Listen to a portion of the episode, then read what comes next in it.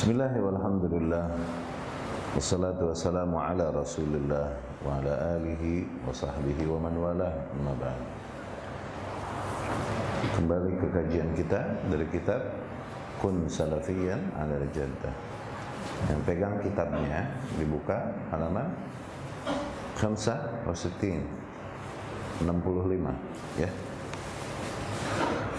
والاتباع إنما يكون صحيحا بثلاثة أمور تتلخص مما سبق من النصوص وهذه الثلاثة هي dan ittiba tersebut menjadi tepat benar dengan apa dengan tiga perkara ya yang hal tersebut disimpulkan dari nas-nas yang telah kita sebutkan dan tiga perkara tersebut adalah yang pertama al-i'tisam bi kitabillahi wa sunnati rasulih sallallahu alaihi wasallam. Berpegang teguh kepada kitabullah dan sunnah Rasul sallallahu alaihi wasallam. Yang kedua, ada tafarruq wal ikhtilaf fil kitab wa sunnah. Ya. Tidak atau meninggalkan perpecahan ya dan pertentangan ya di dalam kitab dan sunnah. Kemudian yang tiga, ayyakuna tiba'ul kitabi was sunnati muqayyadan bi fahmi salafis salih. Agar ittiba kepada Al-Qur'an dan sunnah tersebut terikat dengan pemahaman salafus salih, la bi fahmi ghairihim, tidak dengan pemahaman yang lain ya itu tiga hal. Sehingga berittiba kepada Al-Quran dan Sunnah menjadi benar. Yakni semua kelompok mengaku mengikuti Al-Quran dan Sunnah nah padahal mengikuti Al-Quran dan Sunnah nggak benar. Belum beres. Sebelum terpenuhi tiga poin ini. Ya yang pertama apa? Beneran berpegang kepada kitabullah dan sunnah Rasul Yani berapa banyak kelompok yang mengaku berpegang kepada kitabullah dan sunnah namun di dalam prakteknya mereka berpaling dari apa-apa yang telah jelas-jelasan terang-terangan datang keterangannya pada kitabullah dan sunnah rasul. Kemudian juga tidak berpecah belah dan tidak berbeda pendapat di atas kitab dan sunnah. Yani kelompok-kelompok lain mereka semua mengakui mengikuti Al-Quran dan Sunnah. Nah, tapi nyata mereka berpecah satu sama lain berkelompok. Ya dan kemudian saling bertentangan satu sama satu sama lain. Dan setiap kelompok kullu hizbin bima ladaihim farihun. Setiap kelompok berbangga-bangga dengan apa yang ada pada mereka. Ya. Dan kemudian yang ketiga agar mengikuti Al-Quran dan Sunnah tersebut harus terikat dengan pemahaman salafus saleh.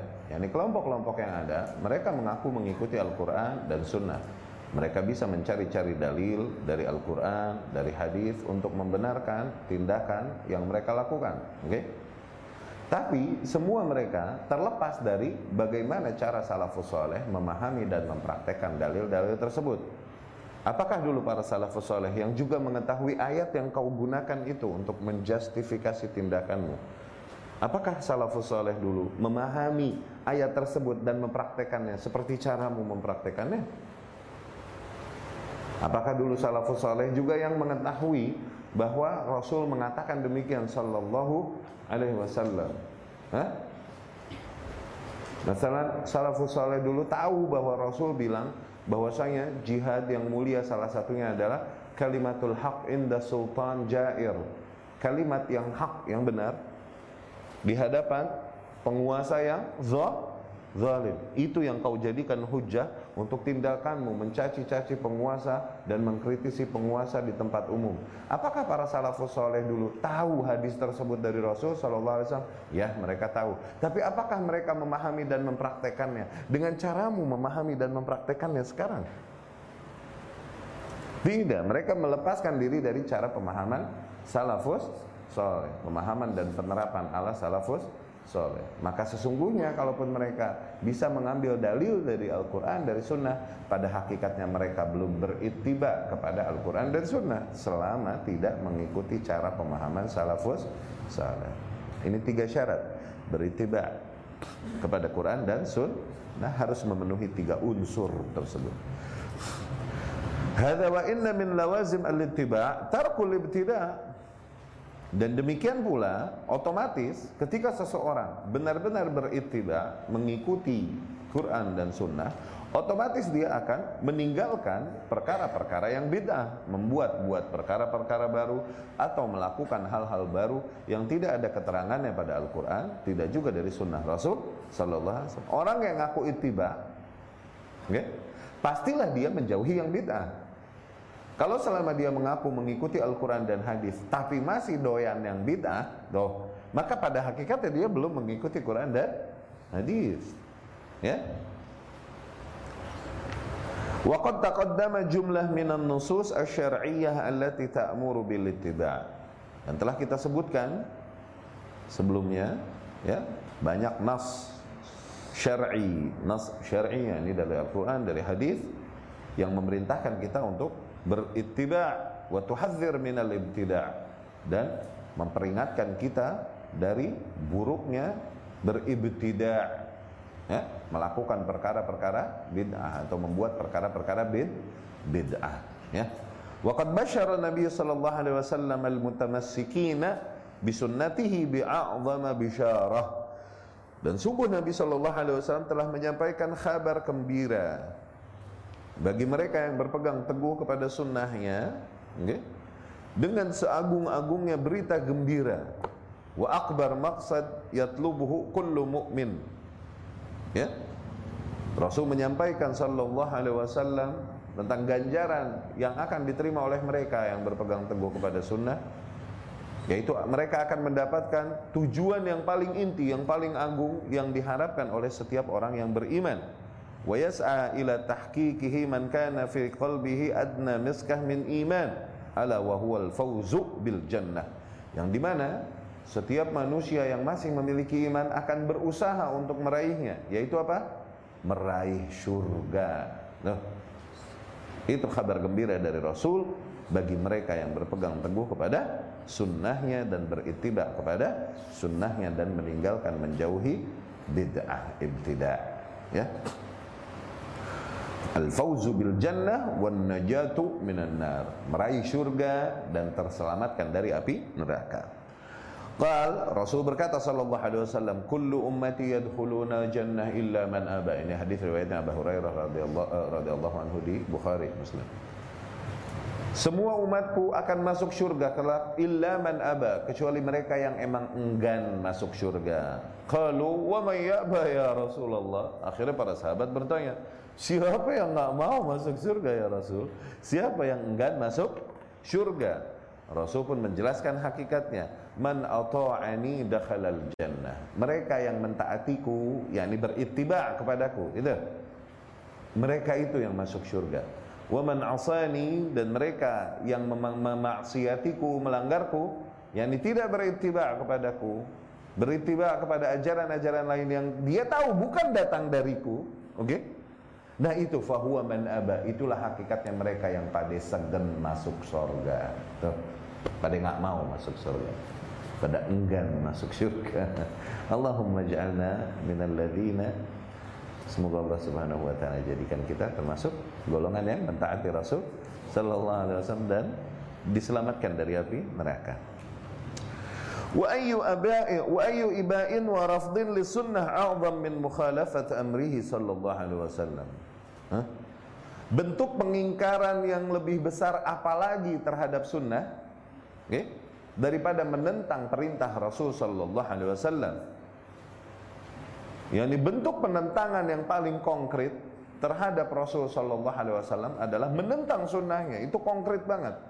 Bentuk pelanggaran terhadap ittiba, bentuk pelanggaran terhadap Rasul yang paling konkret adalah apa? Menentang sunnah Rasul sallallahu alaihi wasallam. Yaitu dengan apa? Menentang sunnah Rasul. Makanya dulu kita bilang, mungkin nggak seorang Muslim bilang, aku nggak mau ngikutin sunnah, aku mau menentang Rasul. Mungkin nggak ada Muslim bilang gitu? Nggak mungkin. Iya kan? Lalu penentangan terhadap Rasul ini terjadinya dalam bentuk apa? Bil ihdas fiddin dengan menjadikan perkara-perkara baru, muhdas di dalam agama. Dan setiap muhdas bid'ah dan setiap bid'ah sesat. Ya. Wal ibtida' fi dengan membuat perkara-perkara baru di dalam agama. Ya.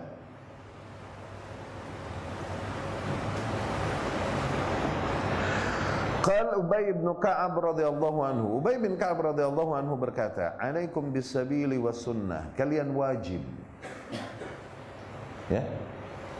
Alaikum itu artinya apa? Kalian harus, kalian wajib. Kalau kalian boleh apa?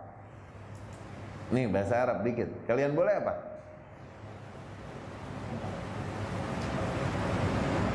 Alaikum di sini artinya secara bahasa atas kalian. Artinya apa maksudnya? Kalian harus, kalian wajib. Oke? Okay? Oke, okay. sekarang bahasa Arabnya kalau kalian boleh apa? Lakum. Lakum artinya kalian boleh kalau begitu. Tapi kalau alaikum lakum nih untuk kalian. Tapi maknanya adalah kalian boh boleh. Tapi alaikum artinya atas kalian. Maknanya adalah kalian harus. You have to. You must. Ya. Kalian harus Alaikum bisabil wa sunnah. Kalian harus bertahan di atas as-sabil, di atas jalan ini, di atas konsep ini, metode ini. Di atas sunnah Rasul sallallahu alaihi wasallam. Fa innahu laisa min 'abdin 'ala sabilin wa sunnah. Sesungguhnya tidaklah seorang hamba berada di atas metode sunnah ini, metode yang hak manhaj sunnah ini Kemudian zakarar rahman, kemudian dia mengingat, berzikir, mengingat Allah Subhanahu wa taala yang Maha Pengasih. Fafadat ainah, kemudian dia menangis. Berlinangan kedua air matanya min khasyatillah dikarenakan takutnya kepada Allah Subhanahu wa taala, fatamassuhun naru abadan. Maka dia tidaklah mungkin hamba demikian akan tersentuh api neraka. Tuh. Orang yang memiliki rasa takut kepada Allah Subhanahu wa taala sehingga dia menangis. Dan metode beragamanya di atas metode sunnah yang tepat. Awas. Jadi berapa banyak orang menangis-nangis takut kepada Allah tapi dia berada di atas jalan yang bid'ah, tidak di atas sun sunnah. Awas. Apabila seorang hamba memadukan cara beragamanya di atas cara sunnah yang hak, oke? Okay? Kemudian hatinya pun memiliki rasa takut kepada Allah Subhanahu wa taala yang baik. Sehingga ketika dia menyebut nama Allah, berzikir, kemudian dia ketakutan kepada Allah, kemudian dia menangis dari takutnya kepada Allah, hamba demikian tidak akan tersentuh api neraka. Tuh maknanya itu. Ya. Wa inna iqtisadan fi sabilin wa sunnah khairun min ijtihadin fi khilafin wa bid'ah. Sesungguhnya iqtisad, ngirit. Iqtisad artinya apa? Ngirit sederhana tapi di atas jalan yang tepat sesuai dengan sunnah itu jauh lebih baik daripada apa? Berjuang berusaha banyak tapi di atas bid ah maknanya apa? Amalan ritualmu sedikit tapi sesuai dengan sunnah itu jauh lebih baik daripada banyak beramal tapi di atas bid bid ah. ngapain? Buang-buang waktu dan jadi dosa. Demikian seseorang yang berilmu Ibadah nggak banyak dia lakukan, tapi dia tahu yang emang menghasilkan pahala baginya beneran. Dan kemudian bahkan pahalanya, pahalanya malah mengalir. Tuh, sering kali demikian. Kalau diajak, iya kan? Kalau diajak misal tetangga kita, Pak, yuk ikutan di sebelah noh, ada apaan emang? Ya tahlilan dah kita ada nuju harian dan nuju harian gitu. Maka tolak dan katakan oh bah amat mendingan cabutin ketek di rumah. Kenapa cabut ketek? Cabut ketek mungkin amalan yang sedikit, tapi sunnah jelas. Rasul bilang sallallahu alaihi wasallam khamsun minal fitrah. Fitrah itu ada lima, di antaranya natful ibit, cabut bulu ketek. Tuh, sunnah, cabut ketek. Nuju harian, ada dalilnya enggak? Mendingan cabut ketek apa nuju harian? Wah, mending cabut ketek. Amalan sedikit tapi sesuai dengan Bener gak bro? Ilmiah ini ada bukan lagi joking. Ini ilmiah beneran. Kalaupun ya lucu. Iya kan? Amalan mungkin terlihat remeh, hina, tapi sesuai dengan sunnah itu far much better, far much better, jauh lebih baik daripada amalan yang zahirnya mulia banyak tapi di atas bid'ah. Ya? Rajin-rajin cabut ketek.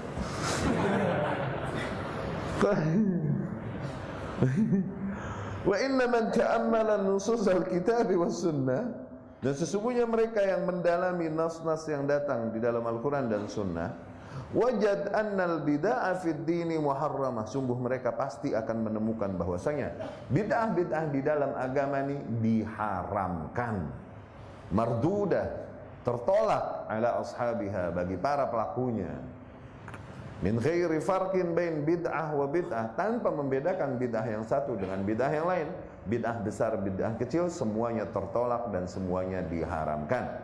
Wa in kanat tatafawat darajatut tahrim. Kalaupun mungkin derajat pengharamannya berbeda be beda tentunya bid'ah-bid'ah di dalam akidah itu akan lebih parah daripada bid'ah-bid'ah amali amaliyah. Tapi bid'ah amaliyah ini pintu sampai kepada bid'ah yang lebih besar, bid'ah akidah.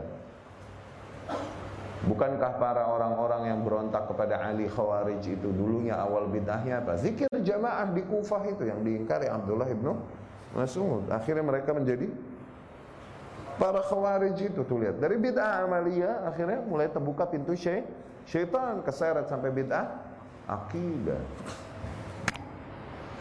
Kalaupun tatasawat, beda-beda derajat keharamannya bihasab nau'iyatil bid'ah sesuai dengan jenis bid'ahnya. Walidha ja'a an-nahyu 'anil bid'ai 'ala wajhin wahid. Dari situlah datang larangan dari larangan dari hal-hal yang bid'ah tersebut satu ya. Yang datanglah larangannya secara bagi hal-hal yang bid'ah tersebut secara keseluruhan dari sabda Rasul sallallahu alaihi wasallam iyyakum wa muhdatsatil umur fa inna kulla muhdatsah bid'ah wa kulla bid'ah dhalalah jauhilah oleh kalian perkara-perkara yang ba baru sesungguhnya setiap perkara baru tersebut di dalam agama di dalam agama maksudnya sesungguhnya setiap perkara baru tersebut bid'ah dan setiap bid'ah adalah sesat dan setiap sesat berada di neraka tanpa membedakan Rasul Rasul tanpa Rasul bedakan bid'ah besar bid'ah kecil enggak Pokoknya larangannya datang dihajar semua bid'ahnya gitu. Ya ini terpukul semua bid'ah dengan satu larangan tersebut. Semua jenis bid'ah terpukul, baik bid'ah amaliyah ataupun bid'ah ilmiah. Ilmiah ini akidah maksudnya. Ya. Bid'ah sugro kah apa bid'ah kubro. Nah. Wa qawluhu sallallahu alaihi wasallam dan sabda Rasul sallallahu alaihi wasallam, "Man ahdatha fi amrina hadza ma laysa minhu fa huwa rad." Barang siapa yang membuat perkara baru, menjadikan hal-hal baru di dalam urusan kita ini itu, di dalam agama, no, ada penekanannya. Jadi nggak ada lagi dalil buat mereka apa-apa bid'ah. Kalau gitu speaker bid'ah, apa bid'ah? Cuma agama, kita lagi ngomongin agama. Karena Rasul bilang fi amrina hadza, di urusan kita ini nih malaisa minhu yang tidak ada awalnya, tidak ada ajarannya dari agama ini sebelumnya, fahuwa rad, maka ia tertolak. Amalan tersebut tertolak, bukannya jadi pahala tapi malah jadi do, dosa. Fadalla al-hadis ala anna kulla muhdatsin fid din fahuwa bid'ah. Maka hadis ini menunjukkan bahwasanya segala perkara yang baru di dalam agama ini itu bid'ah. Wa kullu bid'ah dhalalah mardudah dan setiap bid'ah ini sesat dan tertolak tertolak. Di situ Imam Malik bilang, "Ma lam yakun yawma idzin dinan, falam yakun al-yawma dinan." Hal-hal yang zaman dulu pada zaman Rasul bukanlah bentuk beragama, mendekatkan diri kepada Allah. Maka pada hari ini pun tidak akan menjadi bentuk beragama. Oh, dan agama seseorang melakukan ritual-ritual yang mereka lakukan, peringatan-peringatan yang mereka lakukan, ini kita bilang bid'ah. Mereka bilang ini agama mendekatkan diri kepada Allah Subhanahu wa taala. Ini adalah bentuk beragama mereka. Oke? Okay? Maka kita jawab dengan perkataan Imam Malik. Apa-apa yang dulu di zaman Rasul tidak menjadi termasuk bentuk agama, maka hari ini pun tidak termasuk bentuk aga agama. Ya.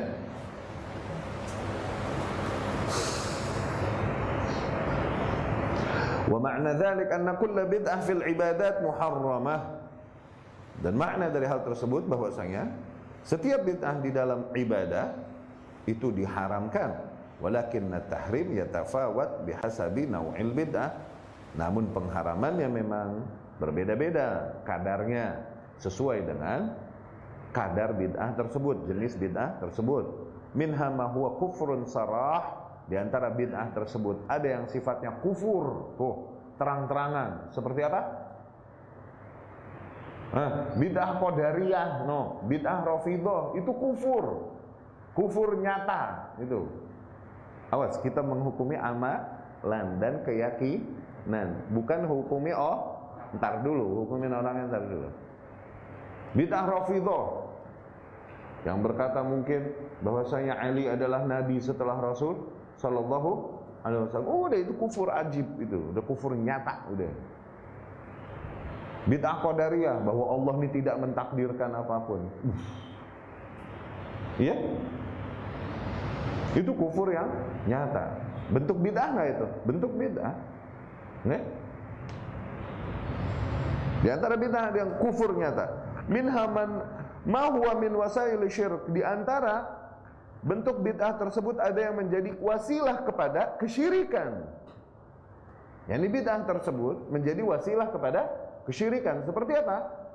Tawasul. No. Ini wasilah proses seseorang sampai titik menyembah hal lain kepada Allah Subhanahu selain Allah Subhanahu wa taala, tuh adalah melalui proses Tawasul apabila kita lihat sejarah perjalanan manusia, bagaimana manusia yang awalnya nyembah Allah tuh bisa jadi nyembah hal lain tuh. Gimana? Prosesnya itu kan dari tawasul. Yang menjembatani mereka tuh dari tawasul. Menghormati individu-individu tertentu berlebihan, memohon kepada Allah melalui individu-individu tersebut, individu tersebut mati, dimuliakanlah kuburannya, dikenang ceritanya, dikenang lagi jasadnya dengan didirikan sebuah monumen baginya. Nah, itu monumen itu berhala. Tawasul menjadi wasilah syirik. Terjadi yang terjadi proses kesyirikan sampai sekarang pada kaum muslimin terjadi di mana mereka mendatangi kuburan-kuburan individu-individu tertentu, meyakini adanya keutamaan di dalam ziarah demikian. Tuh, itu wasilah kepada kesyirikan. Bidah, bidah dan wasilah kepada kesy kesyirikan. Minha ma huwa fiskun wa maksiyah. Ada di antara maksiat bidah tersebut yang sifatnya fasik dan maksiat saja. Nah, seperti bid'ah-bid'ah ringan, amaliyah. Okay? Seperti apa? Itu ulang tahun Rasul sallallahu alaihi wasallam. Masalah yasinan malam Jumat dan lain-lain. Ini bid'ah-bid'ah amaliyah yang sifatnya ringan, sifatnya enggak sampai titik syirik, enggak sampai titik kufur, hanya fisq wa maksiyah. Demikian yang dikatakan Oke. Okay? Demikian yang disebutkan di dalam kitab Al-Iman fi Dhaw'il Kitab wa Sunnah. Ya. Wa innal muta'ammila fi turuqi ahli zaygh wa dhalal. Sesungguhnya mereka yang mencoba mendalami, memahami konsep dan metode para ahlul dhalal, orang-orang yang tersesat, kelompok yang tersesat, yajid anna turuqahum tukhalif tariqata ahli huda maka orang yang mendalami, mencoba memahami konsep dan metode mereka, mereka akan temukan bahwasanya jalan atau metode para ahli dalal, ahlul bid'ah tersebut memang bertentangan dengan jalan atau metode para ahlul huda, ahlus sunnah. Ya, orang-orang yang mengikuti petunjuk.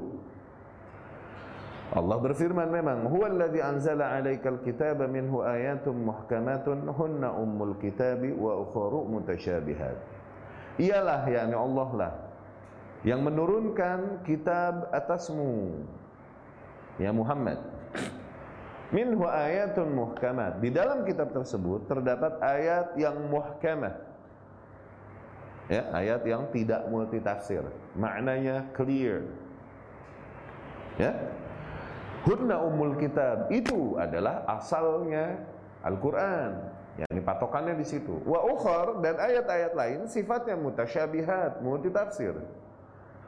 Ya. Harusnya memahami mutasyabihat, cari tarik ke yang muhkamat. Caranya begitu harusnya. Tapi fa'ammal ladzina fi qulubihim zaigh, adapun mereka yang di dalam hatinya terdapat penyimpangan memang fayattabi'una ma tasyabaha minhu mereka sengaja akan terus mengikuti ayat-ayat yang sifatnya mutasyabihat multitafsir ya tujuannya apa untuk menyeret tafsirannya sesuai dengan hawa nafsu mereka membenarkan tindakan mereka ibtigha al fitnah wa ibtigha ta'wilih dengan itu mereka menimbulkan fitnah menyeret tafsirannya sesuai dengan hawa nafsu mereka takwil gitu. Ya.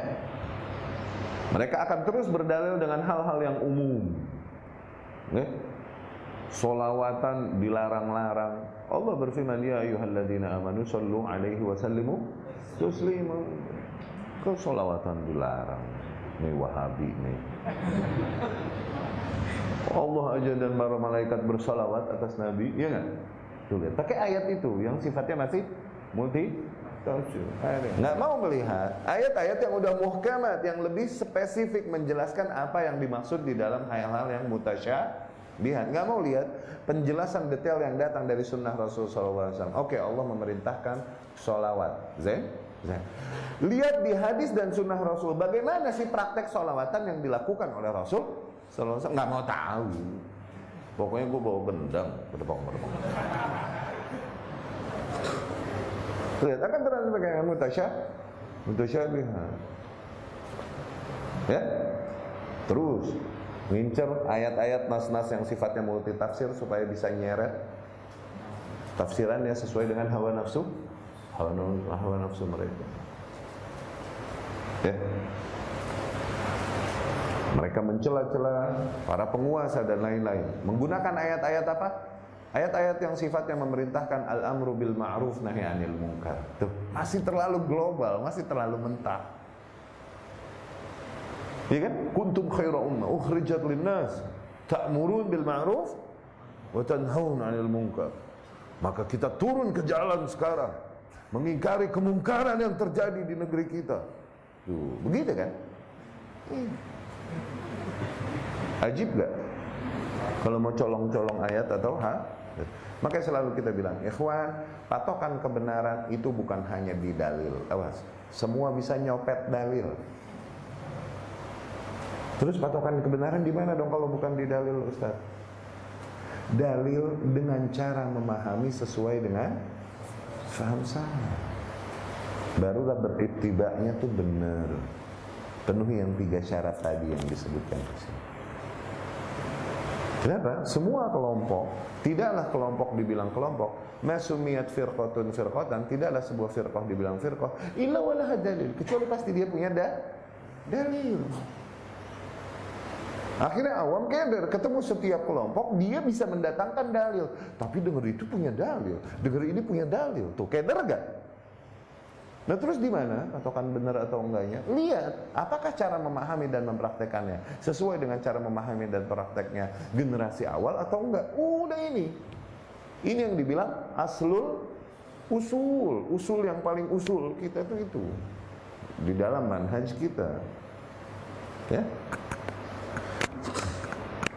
Wafis sahih dan bilang di dalam riwayat sahih yang di dalam riwayat Imam Bukhari dan Muslim rahimahumullah Idza ra'aitumul ladzina yattabi'una ma tashabaha minhu apabila kalian melihat orang-orang yang terus ngincer ayat-ayat yang mutasyabihat terus? Okay? Berpegang teguhnya kepada ayat-ayat yang mutasyabihat terus, faulaikal ladzina sammallahu fahdharuhum. Itulah yang dimaksud oleh Allah di dalam ayat itu ahluz zaigh, ahlul dalal. Fahdharuhum, hati-hatilah kepada mereka. Tuh, Rasul sendiri udah bilangin sallallahu Apabila kalian melihat sebuah kaum yang terus berdalil dengan apa? Dengan hal-hal yang sifatnya mutasyabihat terus untuk membenarkan amalan mereka, itu yang dimaksud oleh Allah di dalam ayat itu. Fa'ammal ladzina fi qulubihim zayghun. Adapun mereka yang pada dasarnya hatinya terdapat penyimpan penyimpan. Tuh itu mereka. Fahdharuhum. Tahzirlah mereka. Tuh fahdaru artinya apa? Hindari mereka. Peringatkan manusia dari kesesatan mereka. Ya? Wa qala ta'ala dan Allah berfirman, "Innal ladzina farraqu dinahum wa kanu syi'an lasta minhum fi syai." Sesungguhnya mereka yang memecah agama mereka dan kemudian menjadi syiah, syiah yakni berkelompok-kelompok, berhizib-hizib. Syiah, lasta minhum fi syai. Kau wahai Muhammad tidak ada urusannya dengan mereka. Yani Rasul berlepas diri dari mereka yang berpecah dan berkelompok-kelompok. Ingat, berpecah maknanya apa? Hah? Apakah mana yang bersatu di atas keadilan? Eh di atas kebatilan? Di atas mix cocktail? Huh? Kita memisahkan diri dari kaum kita yang banyak melakukan bid'ah-bid'ah dan kita nggak ikutan acara. Apakah kita memecah? Awas. Mana memecah ini? Ingat lagi kajian-kajian sebelumnya. Awas. Memecahkan diri artinya apa? Meninggalkan Al-Quran dan Sunnah dengan pemahaman salaful ummah itu hakikatnya berpecah. Nah seseorang yang menghindari kaumnya yang melakukan bid'ah-bid'ah bersama kaumnya dan kemudian seseorang menghindarinya dan mengikuti apa yang memang jelas datang pada sunnah Rasul dan ajaran salaf, apakah ini orang bisa dibilang memecah? Kalau begitu Rasul juga memecahkan dirinya dari kaumnya. Awas ya fahami makna bersatu yang dimaksud di dalam Al-Quran fahami makna berpecah yang dimaksud di dalam Al-Quran bersatu yang bersatu di atas hak berpecah ya ini apa? Berpecah dari jalan yang hak. Memecahkan diri meninggalkan jalan yang hak ya. Sesungguhnya mereka yang memecah agama mereka dan jadi berkelompok-kelompok sungguh engkau tak ada urusan apa pun dengan mereka wahai Muhammad yakni Allah lepaskan diri Rasulnya Shallallahu Alaihi Wasallam dari mereka yang meninggalkan jalan hak jalan petunjuk ini. Itu maknanya. Dan Allah berfirman wala tattabi'us subula fatafarraqu bikum an sabili. Dan janganlah kalian mengikuti jalan-jalan lain sehingga kalian berpecah dari jalan yang Allah Subhanahu wa taala. Tuh, berpecah adalah ketika seseorang meninggalkan jalan yang Allah, jalan yang hak, yaitu apa? Jalan kitab, sunnah dengan faham salaful ummah. Berpecah tuh itu. Yang dibilang fatafarraqu bikum an sabili.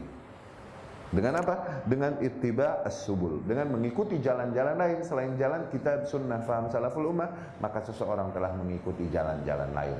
Itulah orang yang tafarraqu yang berpecah dari kalian dari jalan yang Allah Subhanahu wa taala. Ya. Sudah difahami hal itu ya? Fa'ahammu alamat ahli zair. Maka dari sini semua kita dapat simpulkan. Ciri-ciri inti para kelompok-kelompok yang tersesat Ciri-ciri inti Orang-orang yang memiliki penyimpangan di hatinya pada dasarnya okay, Dapat kita simpulkan beberapa poin. Ya, kata Syekh Hafizahullah. Yang pertama, furqah berpecah belah. Awas, furqah artinya berpecah belah. Kalau firqah artinya kelompok, ya. Furqah sering berpecah belah. Allati nabbahallahu 'alaiha yang Allah peringatkan mereka. Di dalam firman-Nya, "Innal ladzina faraqu farraqu dinahum wa kanu syi'an lasta minhum fi syai'." Sesungguhnya mereka yang memecah agama mereka dan menjadi berkelompok-kelompok kau tak ada urusan sama sekali dengan mereka wahai Muhammad. Yang kemudian ciri yang kedua ittiba al mutasyabih tuh selalu berpegang teguh berpegang kepada dalil-dalil yang sifatnya masih mutasyabih yang membawa multitafsir mutasyabih ini masih membawa syubhat. Tuh artinya itu Kalaupun ada hadis, hadis yang sifatnya mutasyabih, nggak mau tahu dengan ayat-ayat atau hadis-hadis yang udah menjelaskan detail teknis. Pegang yang mutlak tersebut nggak mau tahu yang mukoyad. Pegang yang umum tersebut terus nggak mau tahu yang khusus. Pegang yang mujmal tersebut apa terus nggak mau ikut yang mubay, mubayyan. Loh. Adapun ahlu sunnah konsepnya adalah semua ayat-ayat dan hadis-hadis yang mutlak tarik ke yang mukoyad. Semua yang umum tarik ke yang khusus. Semua yang mujmal tarik ke yang mubayyan. Begitu. Mereka nggak mau tahu. Yang ketiga ittiba'ul hawa, mereka akan mengikuti hawa nafsunya terus. Ya. Fa'amal ladzina fi qulubihim zayghun. No. Adapun mereka yang berada di hatinya terdapat penyimpangan sebagaimana firman Allah. Kemudian Allah pun berfirman, "Ara'aita man ittakhadha ilahahu hawa?" Tidakkah kau melihat mereka yang menjadikan Tuhan Tuhannya adalah hawa nafsunya? Yang menjadikan hawa nafsunya sebagai Tuhan yang mereka sembah. Ketika jelas perintah Allah, jelas contoh dan keterangan dari Rasulnya Sallallahu Alaihi Wasallam, namun bertentangan dengan apa yang dia lakukan selama ini, dia tentang hal ini semua dan terus dia ikuti apa yang biasa dia lakukan sesuai dengan dia selera kaumnya. No, seolah-olah dia menjadikan Tuhan lain selain Allah yang dia taati. Yaitu apa? Hawanya, hawa nafsu. Itu maknanya. Ya. Yang keempat, mu'aradah as-sunnah bil Quran. Seringkali membenturkan sunnah dengan Al-Quran. Ketika dijelaskan hadis, nih Rasul udah bilang begini. Dibantah dengan ayat-ayat Quran yang sifatnya multitafsir masih, yang mutasyabih. Iya kan? Rasul menjelaskan sallallahu alaihi wasallam cara salawatan tuh begini nih. Rasul sudah menjelaskan nih di hadis ini, hadis ini. Kul katakan Allahumma salli ala Mungkin sahabat ada yang nanya, "Ya Rasulullah, qad alimna kaifa nusallim alaik?" Fa kaif nusalli alaik? Ya Rasulullah, kita telah tahu bagaimana cara bersalam padamu. Bagaimana bersalawat atasmu? Kan perintahnya sallu alaihi wasallimu. Salawatlah dan bersa. Kita udah tahu bersalam padamu. Nah, bersalawat padamu gimana? Rasul katakan, kul, katakan, Allahumma salli ala Muhammad wa ala ali Muhammad kama sallaita ala Ibrahim wa ala ali Ibrahim fil alamina innaka hamid. Salawat yang kita baca di tasyahud. Kita sampai ini Rasul ngajarin salawat itu cuma hanya sebatas ini. Atau ketika mendengar nama Rasul disebut, kita bilang Allahumma shalli wa sallim sallallahu alaihi wasallam. Hanya sebatas itu. Itu juga yang dipraktekkan salaf. Ah enggak Allah sendiri bilang Ya ayyuhalladzina amanu sallu alaihi wa sallimu taslima. Tuh lihat, membantah sunnah dengan Al-Qur'an.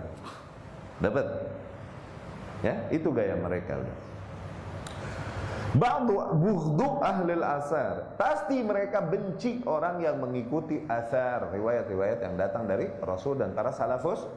Pasti ahlul bid'ah otomatis akan benci ahlus pasti udah ya rajin mencela-cela dan memaki ahlus sunnah pasti akan datang kebencian di hati mereka kepada ahlus sunnah ya Kemudian itlaq al-alqab as-sayyi'ah ala ahli sunnah. Mereka akan menerapkan lakab-lakab, julukan-julukan yang buruk bagi para ahli sunnah. Hmm.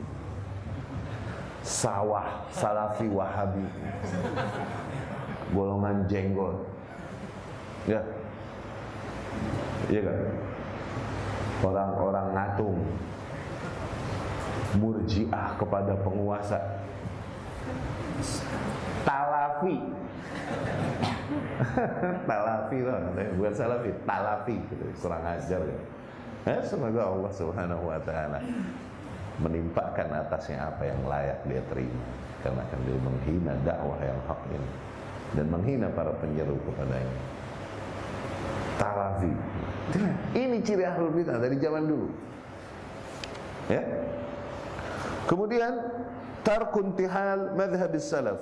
Terang-terangan meninggalkan madhabus salaf. Padahal madhabus salaf kalau kita fahami, seorang mukmin yang emang beriman benar, mau dia mengikuti, pasti dia mau mengikuti madhab salaf. Tapi orang yang emang pada dasarnya di hatinya ada penyimpangan, malah dia menentang madhab salaf. Padahal salaf adalah para sahabat sahabat radhiyallahu anhum yang banyak ayat dan hadis yang kita diperintahkan untuk mengikuti metode mereka, jalan mereka. Tapi sengaja mereka menentangnya. Mereka terang-terangan menyebut kita ini bukan salafi. Duh. Atau menyerang malah orang-orang yang mengaku mengikuti madhab salaf. Eh? Takfir mukhalifihim bighairi dalil. Tuh, suka mengkafirkan orang yang menentang mereka tanpa dalil. Mereka menuduh kita tukang kafir-kafirin.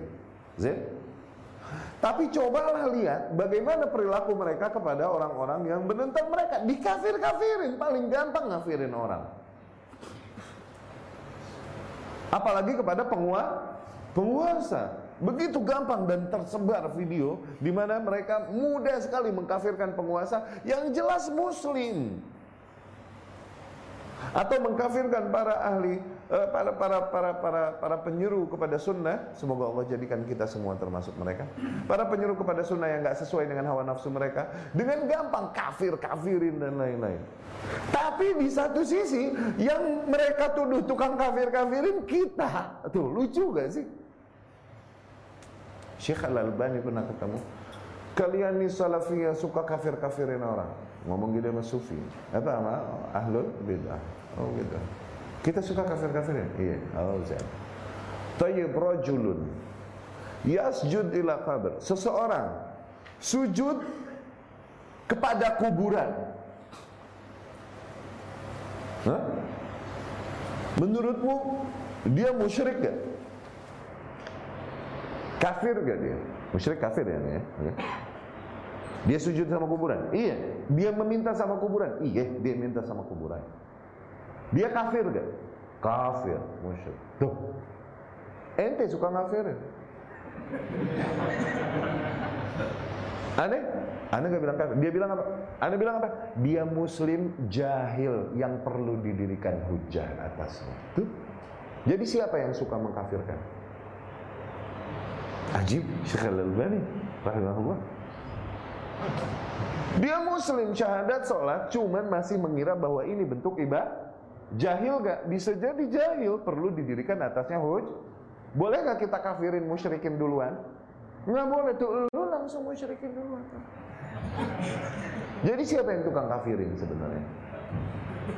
Ajib. Begitu mudah mengkafirkan orang-orang yang tidak sesuai dengan hawa, hawa nafsu mereka tanpa dalil. Ya,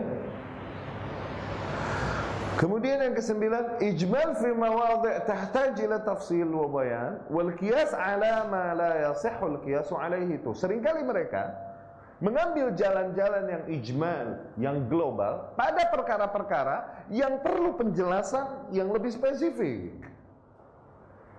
Langsung menggunakan ayat-ayat tentang jihad dan lain-lain, hadis-hadis tentang perintah jihad ketika melihat sesuatu yang terjadi musibah yang menimpa negeri kaum muslimin. Pakai ayat-ayat jihad dan lain-lain. Padahal perlu penjelasan detail teknis untuk pendirian ji jihad. Nggak mau tahu penjelasan detail teknisnya. Tak dulu jihad ini harus di bawah pemimpin muslim yang sah bukan ormas. Awas, nggak mau tahu. Jihad ini harus diperhitungkan. Udah punya kekuatan belum? Jangan sampai dengan jihad justru terjadi madorot yang lebih besar. Kalau begitu lebih baik ditunda sebagaimana Rasul di marhalah sabar di Mekah. Sebagaimana Rasul di marhalah damai setelah Hudaybiyah. Tuh apa? Menghindari keburukan yang lebih besar. Nggak mau tahu. Pokoknya jihad. Itu jahat bro. Bukan jihad. Tuh selalu pakai yang ijmal, yang mujmal. Pada perkara-perkara yang perlu tafsir, perlu explanation perlu penjelasan yang lebih detail. Nggak mau tahu, detail teknisnya nggak mau tahu. Nah mereka selalu ijmal menggunakan jurus-jurus yang sifatnya global, yang sifatnya umum pada perkara-perkara yang perlu penjelasan detail teknis yang lebih detail. Nggak mau tahu dengan perkara yang detailnya. Ya, dan kemudian selalu saja menggunakan kias pada perkara-perkara yang sebenarnya salah kias ini, kias ma'al farq yang dibilang kias. Salah tuh kias ma'al farq. Oke? Okay? Ayo kita sholat katanya. Kita sholat gaib buat siapa? Buat kaum muslimin yang meninggal di Palestina. Di Suria. Bikin deh tuh sholat gaib di masalah di Senayan Yani hizbiyun, harakiyun, somplakiyun. Ente dalilnya sholat goib ini dari mana? Dari mana dalil sholat goib ini dari mana? Ada nggak sholat goib dicontohin Rasul Sallallahu ada katanya. Buktinya Rasul sholat goib di Madinah ketika Najasyi terbunuh di di Afrika. Oke? Okay? Tahu nggak Najasyi? Raja Afrika yang menolong kaum muslimin dan dia masuk Islam tapi masih diam. Diam tuh lihat. Nggak apa-apa. Kenapa? Dia menjaga posisinya sebagai raja supaya bisa memberikan maslahat kepada kaum muslimin yang sedang ber, berlindung kan? Pura-pura Islam dulu. Eh, apa? Pura-pura tetap Kristen dan dia pura apa? Diam-diam beris lah biar tetap bisa membawakan maslahat buat kaum muslimin. Tuh pertimbangan politik yang jauh. Dia raja di negeri kafir. Raja di negeri kafir. Pura-pura Islam eh pura-pura kafir menyembunyikan keislaman Najasyi meninggal Rasul sholat Go di mana? Di Madinah kan? Ah, sirohnya. Lu bawa baca koping hok sih lo. Siroh ini, tahu nggak? Oke, okay. sholat goib dong tuh. Contohkan dari Rasulullah SAW, iya kan? Ah, ini sunnah. Kita sholat goib deh, di mana? Di bundaran. Buat yang mati di Syria, di Syam, di, di Palestina. Maka kita bilang ini kias ngaco. Satu, yang namanya ibadah nggak boleh pakai kias. Awas, kias ini di halal haram, bukan di ritual. Ritual mesti masing-masing punya da, punya dalil, nggak boleh pakai kias. Z. Yang kedua, Rasul dulu lihat sebabnya. Rasul dulu sholatin Najasyi, kenapa ya? Belum ada yang sholatin di Afrika. Dan dia mus, nggak ada yang sholat tapi ketika Rasul mengirim pasukan para kaum muslimin ke negeri-negeri menaklukkan banyak yang meninggal kak? Oke, ada nggak tercatat bahwa Rasul sholatin mereka di Madinah? Sholat goib Rasul di Madinah gitu buat pasukan yang dikirim ke sono. Ada gak cerita begitu? Enggak ada. Kenapa? Udah ada yang sholatin pasukan muslim di sono. Udah nggak usah disolat Sholatin lagi. Nah sekarang yang meninggal di Syria, di Palestina, waktu nggak ada yang sholatin, atau udah ada? Nah terus yang mereka lakukan sekarang apa?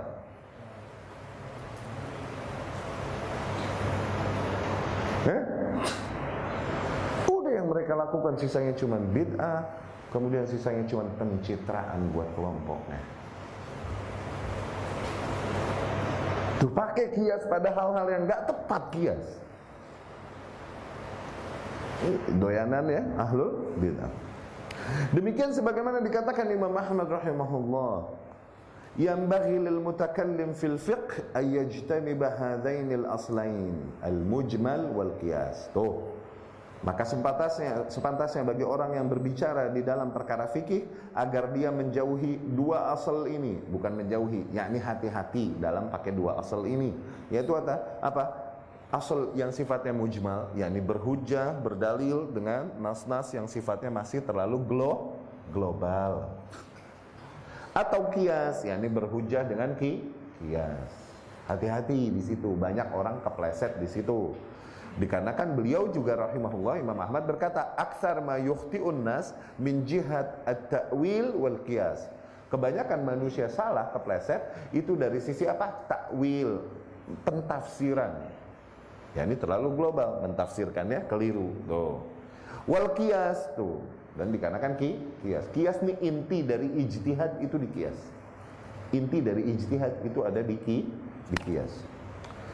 Kultu maka aku pun berkata, siapa yang berkata nih? Syekh Abdul Salam As-Sahimi. Ma dzakarahu Imam Ahmad rahimahullah min at-tahdhir min hadain al-aslain fil fiqh dalilun ala annahu fi babil aqidah yakunu tajannub dzalika aula wa akhara. Yang disebutkan Imam Ahmad agar kita berhati-hati kepada ijmal sama kias, oke? Okay? Di dalam perkara fikih, padahal perkara fikih, oke? Okay? Itu kita mesti sangat hati-hati dari hal itu. Itu dalil. Apalagi di perkara akidah maknanya begitu. Hati-hati kepada dua hal ini.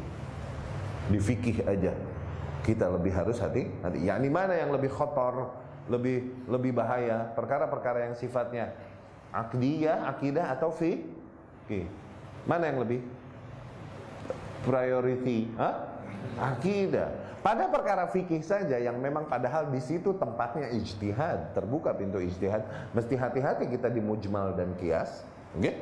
apalagi pada perkara yang sifatnya kaitannya dengan bab-bab akidah. Gitu. Ya, tapi kita cukupkan dulu sekian. Pertemuan yang akan datang masuk ke bab ke-8 Ba'dul Qawaid sebagian kaidah-kaidah umum di dalam metode salaf.